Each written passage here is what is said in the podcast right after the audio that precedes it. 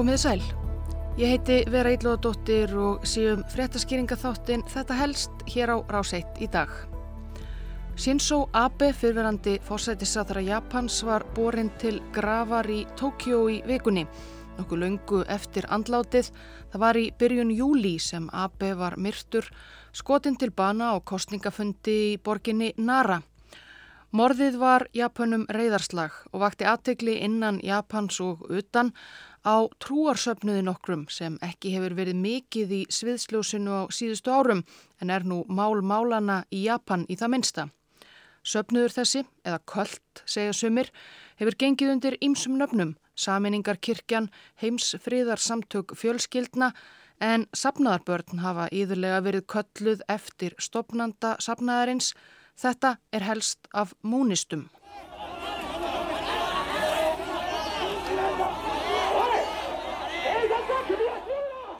Það er ekki algengt held ég að megi fullir það að mótmælt sé við jarðarfarir en svona hljómaði það fyrir utan útför fyrverandi fórsættisráð þeirra Japans Shinzo Abe á þriðudag.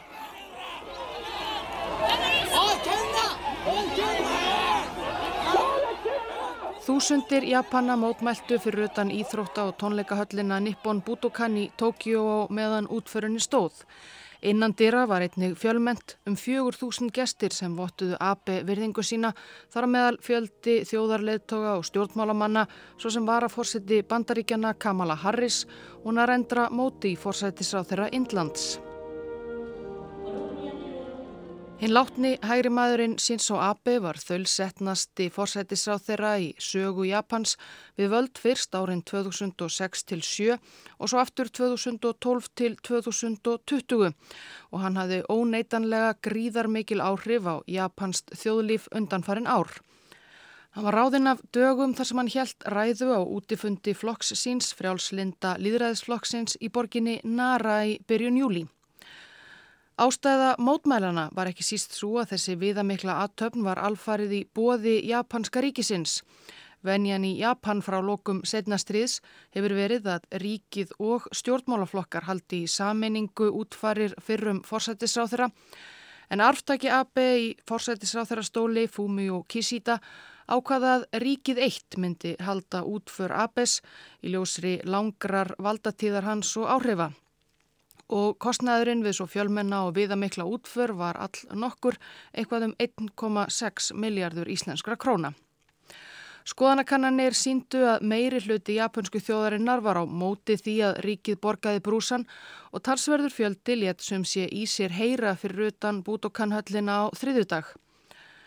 En morðið á AB hefur ekki aðeins haft áhrif á japanska ríkiskassan. Morðingi Abbes Tetsuya Yamagami sem skaut hann með heima tilbúnu skotvopni hefur líst í yfir að hann hafi myrt Abbe vegna tengsla hans og flokks hans við trúarsöfnun okkur sem móðir morðingjans tilherði og hann segir að hafi heila þvegið hann á fjeflétt svo að hún endaði í gæltþróti. Saminningarkirkjuna eins og hún hefur lengst af verið kolluð á íslensku þó að ofinbert nafnennar sé nú á dögum heimsfríðarsamband fjölskyldna og flestir þekki hana kannski á viðurnefni sem lengi hefur týðkast að nota um sapnaðarmenn á enskri tungu Múnís eftir stopnandanum Sera Mún, Múnistar.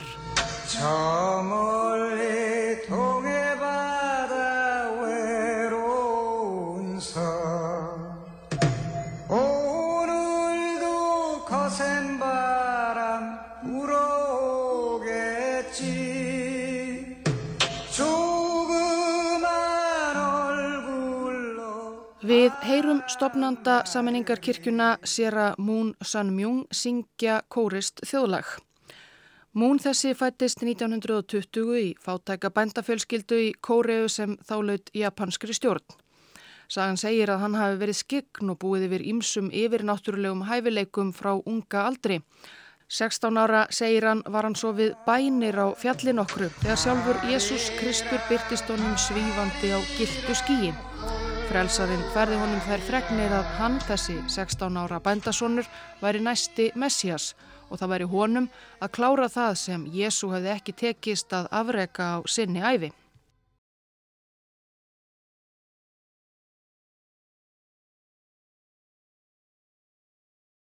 Mún fór þó ekki að bóða þetta fagnaðarerindi fyrir nokkru síðar á árunum eftir setnastríð og 1954 stopnaði hann sína eigin kirkju sem hann kallaði Saminningarkirkjuna. En hver nákvæmlega var bóðskapur hans? Utan að komandi hefur lengi þótt nokkuð erfitt að setja fingurinn á nákvæmlega hvert intakið er í fagnaðarerindi sér að múns. Í raun aðalega það að mún sjálfur væri Messias og Guði næst og snýst allt um tilbeðslu á honum. Ekki nóg með að Jésu hafi byrstónum, heldur sagðist mún síðar einnig hafa fengið heimsóknir frá fleiri helstu guðum heims trúarbræðana. Múnisminn er svo að stórum hluta byggður á kristinni trú en blandað saman við bæði austræna andatrú og speki konfúsjúsar. Eitthvað hafði Mún allavega sem var mjög samfærandi. Söpnuður hans ógs mjög hratt en kirkjan hefur alla tíð lagt mikla áherslu á trúbóð og að sapnaða börn ferðist um heiminn og bóði hið óljósa fagnaðarerindi Múns. Á erfáum árum eftir að Mún stopnaði söpnuðin um miðbygg sjötta áratögar síðustu aldar fjölgaði fylgismönnum hans úr nokkrum tugum upphaflega í þúsundir. Söfnuðurinn breyttist svo út um Suður Kóreu og síðan til útlanda, fyrst til Japan, Filipsæja og fleiri landa í Asíu og síðan enn víðar. 1958 sendi Mún trúbóða til bandaríkjana í fyrsta sinn þar sem múnistar voru orðnir nokkur þúsund talsins og strax upp úr 1970. En hlustendur kannast kannski helst við saminningar Kirkju Múns úr sjónvarsfrettum sem fluttar hafa verið reglulega í áranar ás. Aðtöfnin fór fram á olimpíuleikvanginu í Seúl í Kóriðu. Fólki sem þarna var samankonir er allt í samtökum heimsfriðar og saminningar samtökum sem kóruumóðurum eru fórsværi fyrir. Það var sannlega mikið um dýrðir í Gapjong í Suður Kóru í morgun þegar næst því 4.000 brúðþjónu voru gefinn saman á samkomu einingarkirkju kóreska trúarleitóhans Moon Sung-myung. Stór hluti barana tók þátt í aðtöfminni til að endur nýja hjúskaparheitsi en um 1.000 pör voru gefinn saman í fyrsta sinn. 25.000 áhörundur fylgdust með. Hún stofnaði hreiminguna sem viðan er kend árið 1954 með það að markmið með að samuna fólk úr öllum heimsórnum sem aðhyllist ólík trúarbröð. Gaggrinendur Múns tælja hins vegar að um varasaman trúarsöfnuð sé ræða og fjöldabrúðköpinn síni að áhagandur hans hafi verið heilaþveiknir. Já, saminningarkirkjan hefur haldið fjölda brúðkaup eða fjölda blessanir reglulega frá árinu 1961 þegar Sierra Moon gaf saman 36 pör úr söpnuðu sínum í Seúl höfuborg Suður Kóru. Moon paraði saman öll pörinn og helt áfram að leiða saman pör jafnvel þegar brúðkaupsserimóniurnar urðu miklu, miklu fjölmennari. Árið 1988 til dæmis gifti hann 2500 kóreisk sapnaðarbörn sín japanskum trúsiskinum átti þetta stuðlaði betra sambandi ríkjana tvekja Suður Kóreu og Japan.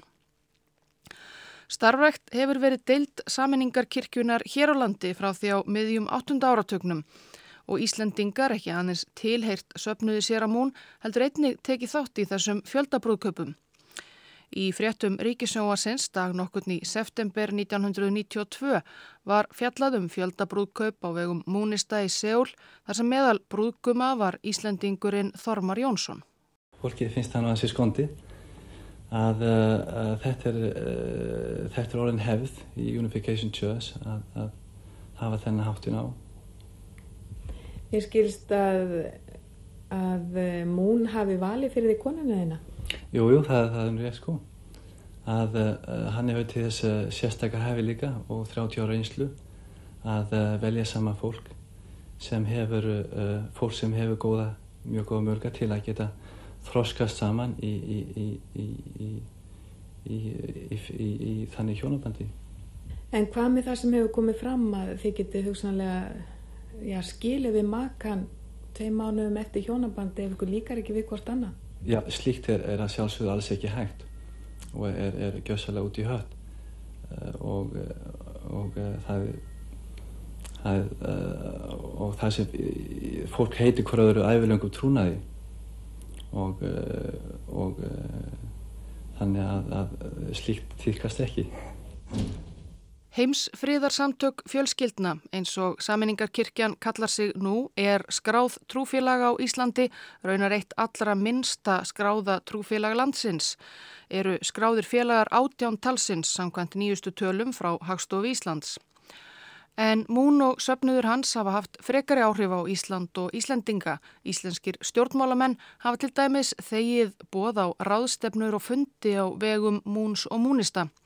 17. november 2006 saði Djefaf frá því að Stengrímur Hermansson hefði farið á ráðstefnu múnista einhverstaðar Erlendis nokkrum árum áður. Þar voru menn á borðið Mikael Sáluga Gorbachev og fleiri þjóðaleðtogar. Sagði Stengrímur við Djefaf Ég hitti Mún sjálfan og tók í höndin á honum en talaði ekki neitt við hann. Hann helt síðan ræðu á þessari ráðstefnu. Hann Mún kom mjög vel fyrir, reyndar mjög ákveðin á sínum skoðunum. Þessi samtök hafa verið mjög gagleg. Ég hitti þarna fullt af fólki af mörgum trúarhópum og maður heyrði mörg fróðleg sjónarmið. En annars þá þekki ég lítið til þessara múnista. Ég fór á tvær svona ráðstefnur og þær voru mjög góðar. Já, Gorbachev og Stengrimur og fleiri leittóar þarna Aug fjöldabrúðkaupa, trúbóðs og almennrar tilbeðslu á Mún var eitt helsta leiðarstefi í starfi saminningar kirkjunar á kaldastriðsárunum andstaða við kommunisma. Kommunismi og trúleysið sem honum fylgir áleitt Mún vera versta óvinn mannkins. Múnistar söpnuði því fjö fyrir ímiskonar andkommunisk samtök og málefni og Mún fór að koma sér í kramið hjá ýmsum pólitíkusum víða um heim sem einnig hötuðust við kommunismann. Hann ræktaði sérstaklega tengsl við íhaldsama stjórnmálamenn. Þannig eru einmitt rækin tengsl Shinzo Sáluga Abe við Múnista. 1959 þegar kirkjan var rétt að koma undir sig fótunum í Japan stopnaði Mún til einhvers konar sambands við þáverandi fórsættisráþara Japans Nobusuki Kishi sem var einmitt móður afi Abes. Hann tilherði nú ekki kirkjunni formlega, frekar en aðrir áhrifamiklir japanskir pólitíkusar, en vann eitthvað með mún og fylgjendum hans. Svo tengsl fylgdu svo fjölskyldunni þegar á leið og ekki einungis fjölskyldu Abes.